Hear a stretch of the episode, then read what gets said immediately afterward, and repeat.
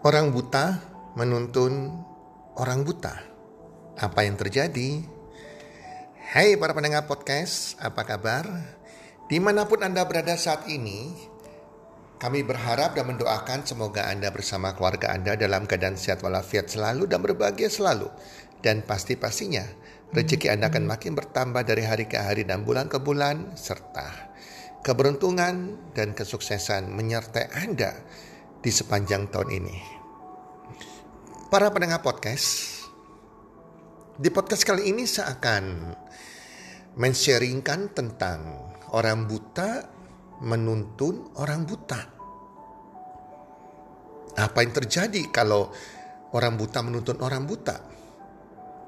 Jika orang buta menuntun orang buta, pasti, pasti-pastinya keduanya jatuh ke dalam lubang.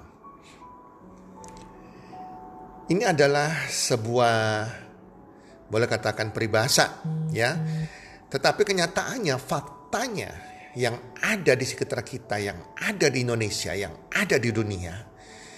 Banyak dari kita nih ibaratnya tanda petik orang buta. Orang yang tidak mengerti apa-apa, yang kita mau belajar, mau bertanya, tetapi kita bertanyanya kepada orang yang juga orang buta yang tidak mengerti apa-apa dalam tanda petik, orang buta tanda petik, tetapi dia merasa dia tidak buta. Ini ber berbahaya sekali teman-teman ya. Nah teman-teman, ada sebuah kisah seseorang yang bertanya kepada tiga orang buta. Pertanyaannya adalah, seperti apakah binatang gajah itu? Dan ketiga orang buta ini memberikan jawaban yang berbeda-beda. Karena orang buta yang pertama, dia pas memegang belalainya gajah. Dan dia katakan bahwa, oh gajah itu seperti ular. Nah orang buta kedua, pas yang dia, yang dia pegang adalah kakinya gajah. Sehingga dia mengatakan bahwa gajah itu bentuknya seperti batang pohon. Orang buta yang ketiga, dia pas memegang badannya gajah. Sehingga dia mengatakan bahwa oh gajah itu bentuknya seperti tembok. Nah, itulah jawaban orang buta tentang seekor gajah.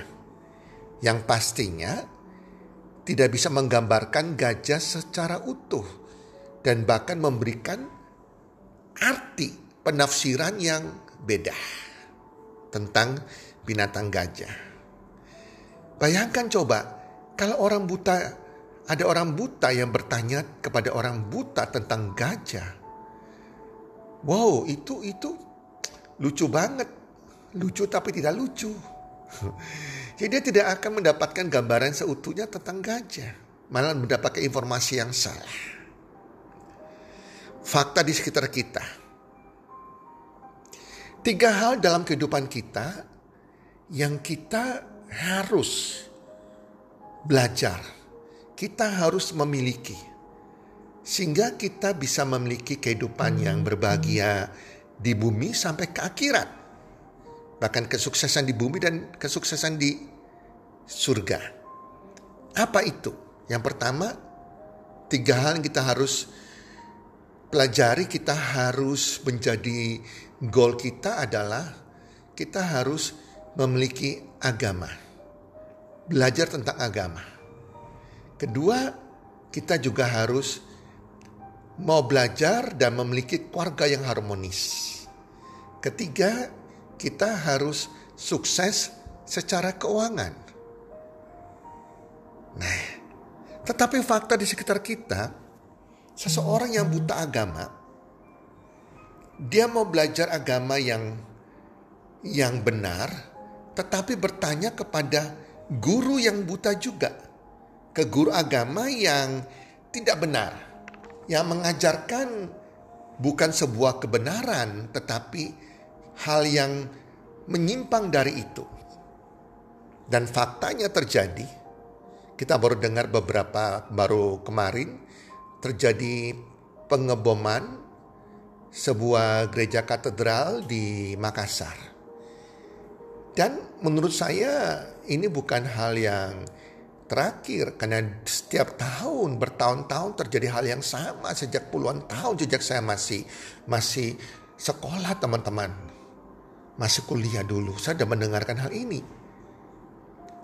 Ini sangat mengerikan sekali.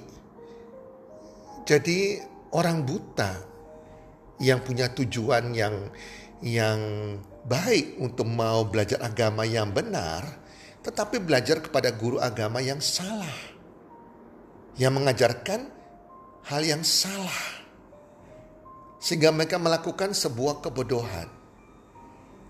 Kalau kita orang bijak, kita berhikmat, kita pasti mengertilah Tuhan yang Maha Esa itu menciptakan yang namanya seisi bumi ini, binatang maupun manusia. Dan manusia ini adalah ciptaan Tuhan semuanya. Tidak mungkin sang pencipta ini mau membunuh manusia yang lainnya ciptaannya. Karena Tuhan yang Maha Esa itu penuh kasih. Dia tidak mengajarkan ajaran untuk membunuh sesama manusia. Walaupun manusia itu tidak percaya kepada dia sekalipun, dia tetap mengasihi manusia tersebut. Hanya pengajaran iblis yang mengajarkan untuk membunuh, merampok, mencuri, dan lain-lain. Itu fakta yang terjadi. Jadi sangat berbahaya sekali kalau kita sebagai orang yang buta agama, kita mau belajar tentang agama yang benar, kita cari guru yang buta juga seperti orang buta yang mengajarkan tentang gajah tersebut, maka kita akan celaka, kita akan masuk kepada lubang, teman-teman. Nah, demikian juga kalau kita ingin memiliki keluarga yang harmonis, yang bahagia. Kemudian kita punya masalah keluarga, masalah rumah tangga itu hal yang wajar. Apalagi seseorang yang baru menikah di bawah lima tahun. Terjadi pertengkaran, terjadi penyesuaian karakter antara pria dan wanita, suami dan istri ini. Nah, kemudian begitu terjadi ada sedikit masalah keluarga, Anda bertanya kepada orang yang buta tentang keluarga, orang yang memiliki keluarga yang gagal, bahkan orang yang sudah bercerai. Maka ini ibaratnya Anda orang buta yang mau bertanya tentang keluarga, bertanya kepada orang buta yang tidak pernah bisa membangun keluarga yang harmonis. Maka Anda akan diberikan informasi yang celaka yang masuk ke dalam lubang yang berakhir kepada perceraian. Nah kenapa demikian? Karena manusia itu umumnya kalau punya masalah, misal masalah rumah tangga, mereka akan curhat kepada teman-teman yang senasib, yang punya masalah yang sama. Ini salahnya, ini yang kurang bijaksananya. Orang yang rumah tangganya hancur, bagaimana bisa memberikan solusi bagi jalan keluar sebuah rumah tangga agar menjadi rumah tangga yang harmonis. Tapi faktanya banyak terjadi demikian. Saya pernah menangani sepasang suami istri karena saya juga seorang konselor yang sudah hampir cerai gara-gara si suami maupun istri ini bertanya kepada orang yang dianggap pintar karena status sosialnya tentang keluarga. Padahal orang yang yang dianggap pintar ini, yang dilihat dari status sosialnya karena orang luar biasa ini, itu punya rumah tangga yang broken home dan cerai. Dan mereka memberikan advice cerai. Untungnya ketemu dengan saya. Dan saya akhirnya bisa membenahi pernikahan ini yang sudah masuk ke pengadilan untuk cerai. Akhirnya mereka bersatu kembali. Nah, jangan jadi orang buta yang bertanya kepada orang buta. Demikian kita yang mau berbisnis. Kita mau sukses berbisnis. Sukses berinvestasi. Kita yang masih awam, yang buta, yang tidak ngerti investasi. Kita bertanya kepada orang yang tidak tepat. Walaupun dia seorang influencer sekalipun, Anda mau investasi contohnya di saham, di cryptocurrency, di emas, Anda terus bertanya kepada seorang yang terkenal yang followernya itu banyak sekali jutaan, seorang influencer. Pada influencer ini juga orang buta yang tidak mengerti tentang investasi di kripto, di saham. Karena mereka hanya terima endorsan, di endorse oleh perusahaan atau lembaga keuangan tertentu atau bandar tertentu untuk menggoreng sebuah saham tertentu. Akhirnya apa? Jatuh ke lubang celaka. Jadi kalau Anda mau bertanya tentang investasi keuangan, bertanyalah kepada orang-orang yang sudah pengalaman di situ. Jangan asal bertanya kepada orang yang buta. Walaupun dia punya nama tapi dia buta sama sekali di bidang tersebut. Dan fakta terjadi. Minggu lalu ada sebuah berita menghebohkan seorang anak muda pria belum menikah usia 27 tahun bunuh diri melompat dari apartemennya. Dan badannya hancur begitu jatuh ke tanah. Orang tuanya mengatakan anak tersebut main saham dan rugi di saham. Apalagi ia rugi dari memakai uang panas, uang pinjaman main saham. Gara-gara mendengar informasi tentang uh, dari influencer tertentu, oh, harus beli saham ini akan naik sekian puluh persen, bahkan sekian ratus persen. Dan dia percaya. Dia nggak punya pengalaman, dia orang yang buta, bertanya kepada orang yang buta. Kalau kita main saham, main investasi kuadran 4, jangan pakai uang panas tapi pakai uang dingin, uang yang nganggur teman-teman. Dan anak muda ini dia pakai kepada uang pinjaman, apalagi pinjaman online. Wow, hancur deh teman-teman. Nah, itu fakta terjadi teman-teman. Demikian juga kalau Anda mau belajar bisnis, tanya kepada orang-orang yang para praktisi ya yang sudah sukses di bisnis bukan motivator tapi inspirator. Bedanya apa motivator sama inspirator? Motivator dia memang hanya memotivasi Anda. Dia bukan pelakunya, dia hanya teori doang yang dia kuasai. Banyak motivator tuh menjual seminar, seminar-seminar dulu pada waktu offline begitu banyak seminar dengan harga jutaan mengajarkan tentang sukses, tentang segala macam. Padahal motivator itu ada beberapa cukup banyak teman saya di sana yang hidup mereka jadi dari menjual seminar teman-teman. Saya kenal mereka, mereka gagal di bisnis. Mereka tidak sukses di bisnis, tapi mengajar orang berbisnis. Itu lucunya. Jadi mereka ini orang buta, cuma menang nama.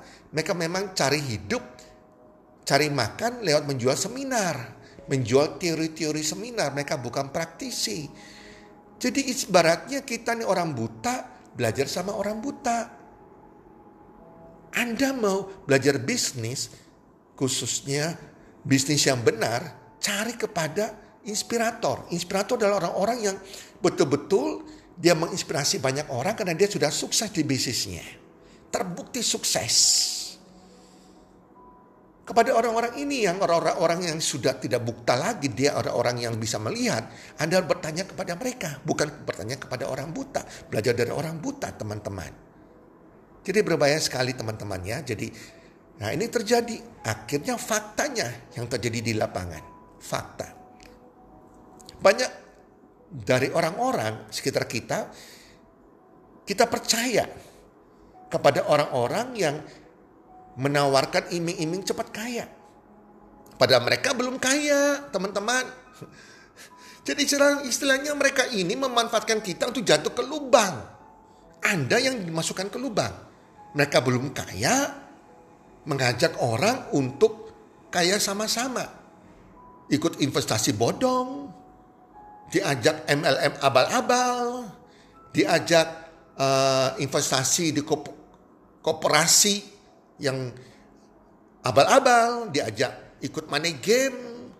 Wow, banyak yang ketipu, ya. Anda tidak mengerti asuransi, Anda tanya kepada Anda beli asuransi kepada sales asuransi yang yang tidak pengalaman. Anda masuk lubang teman-teman. Anda bukannya tambah investasi Anda di asuransi, ini bukan investasi ya, Anda istilahnya Anda ikut asuransi harusnya menguntungkan, malah merugikan. Asuransi bukan investasi. Jelas teman ya. Nah, jadi hati-hati, banyak orang sering sering ketipu demikian. Karena apa? Karena di sekitar kita ini banyak sekali serigala berbulu domba. Banyak penipu. Kalau kita pikir secara logika, kalau seseorang sudah kaya, Mengapa dia masih mengajak orang lain itu kaya? Dan berbayar pula. Itu artinya apa? Dia mau mencari income dari kita semua untuk dipakai dalam penawaran bisnis mereka tersebut. Dalam investasi mereka ajak tersebut. Sehingga kita dimanfaatkan. Nah, jadi hati-hati. Kita harus bertanya kepada orang yang bukan orang buta tapi orang yang matanya sudah terbuka, matanya melihat kepada orang yang tepat artinya. Fakta kita banyak ketipu dan faktanya juga kadang Anda sudah bertemu dengan seorang yang sudah sukses. Ini sudah sukses banget. Contohnya di bidang network marketing di mana dia melakukan bisnis ini dengan modal nol. Sekali lagi saya bicara network marketing ini kuadran 3 bukan multi level marketing ya. MLM itu kuadran 2 teman-teman. Anda ketemu dengan seorang guru yang sudah sukses di network marketing. Yang modalnya nol sama sekali. Dia bisa memiliki kebebasan keuangan. Dari minus ekonominya bisa menjadi surplus dan punya banyak aset dan sudah freedom, bebas uang, bebas waktu. Nah, coach ini menawarkan kepada Anda untuk dibina, dibimbing untuk sukses dengan mudah modal nol. Tapi faktanya banyak orang menolak. Banyak orang tidak percaya. Karena mereka bertanya lagi kepada orang-orang yang gagal di sana. Orang yang ikut money game, mati level atau money yang abal-abal. Apa yang terjadi? Anda minta advice pada orang gagal, orang gagal pasti bilang, percuma lah bla bla bla, malah dijelekan sesuatu yang baik malah dijelekan. Sehingga Anda akan kehilangan, kehilangan sebuah peluang yang Tuhan kirim ke hadapan Anda. Saya ajarkan ya, di sekitar kita banyak sekali yang namanya multi level ngakunya network marketing. Itu menjijikan sekali. Saya adalah pelaku network marketing. Saya dulu pernah dikecewakan dengan empat bisnis multi level marketing MLM money game juga dan saya sudah kapok. Begitu saya ketemu dengan bisnis network marketing yang benar, saya sudah negatif, pikiran bahwa saudara negatif. Untungnya istri saya masih positif. Dan akhirnya saya coba membuktikan. Ternyata yang terakhir saya ketemu ini yang benar teman-teman. Akhirnya hutang-hutang kerugian bisnis kami di bank boleh dikasih hampir semuanya lunas oleh sebuah bisnis network marketing yang benar yang modalnya boleh katakan modal nol karena semuanya ada money back garanti. Saya kasih tips kepada Anda agar Anda tidak ketipu dengan penawaran bisnis yang tidak benar. Bedanya apa multi level marketing dengan network marketing? Multi level marketing dia punya pabrik sendiri teman-teman.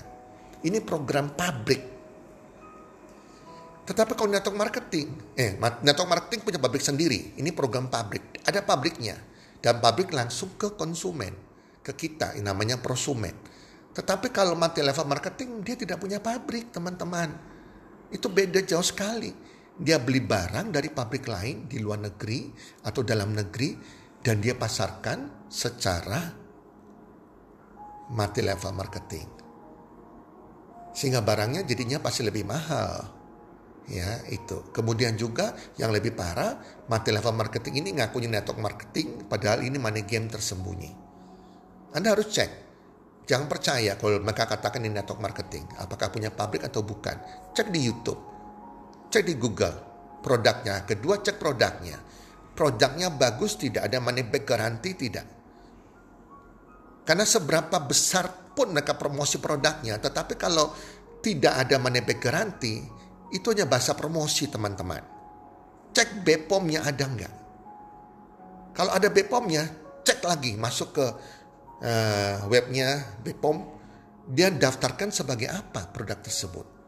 Ada sebuah produk suplemen yang semacam obat dewa, wow, menyembuhkan segala macam. Begitu kami cek ke BPOM, harganya juga mahal, satu juta enam ratusan, bayangkan coba. Ya dua minggu, tiga minggu udah habis tuh. Kami cek ke BPOM, ternyata apa terjadi? Terdaftar sebagai minuman sereal, bukan sebagai suplemen atau nutrition, tapi minuman sereal. Nah ini sudah tandanya teman-teman. Jadi kita harus jadi orang yang bukan orang buta lagi. Kita harus jadi orang yang mata kita terbuka. Jangan mau ditipu orang. Nah kemudian Anda juga harus cek juga adakah sertifikat halal dari MUI Indonesia. Bukan dari halal luar negeri karena itu bisa dipalsukan teman-teman. Tapi dari MUI karena kita di Indonesia dari Majelis Ulama Islam Indonesia. Nah yang ketiga kita cek sistem bisnisnya. Apakah bisnis ini money game, menjebak, mati level abal-abal atau bukan.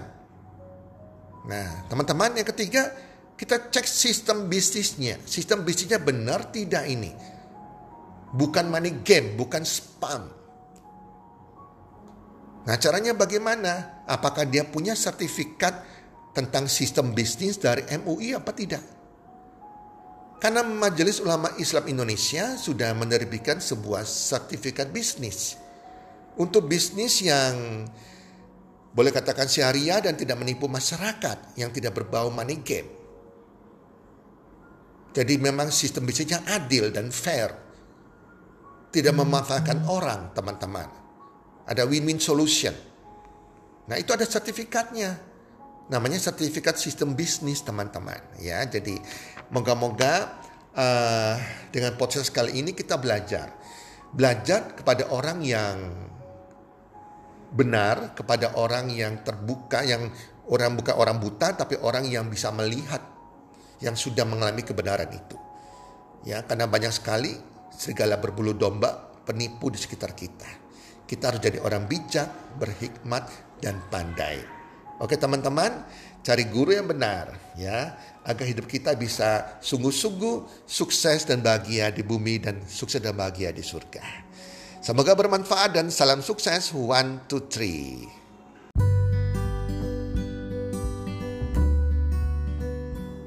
Terima kasih sudah mendengarkan podcast kami. Teman, jika Anda rasa bermanfaat podcast kami ini, Anda bisa menginfokan kepada rekan kerja Anda keluarga Anda, teman ataupun sahabat Anda. Dan jika ada hal-hal yang Anda ingin tanyakan kepada kami ataupun topik-topik apa yang Anda ingin kami bawakan, kami sampaikan, Anda bisa DM kami di Instagram kami healthcommunity.id. Salam one two three, salam sehat, sejahtera dan bahagia.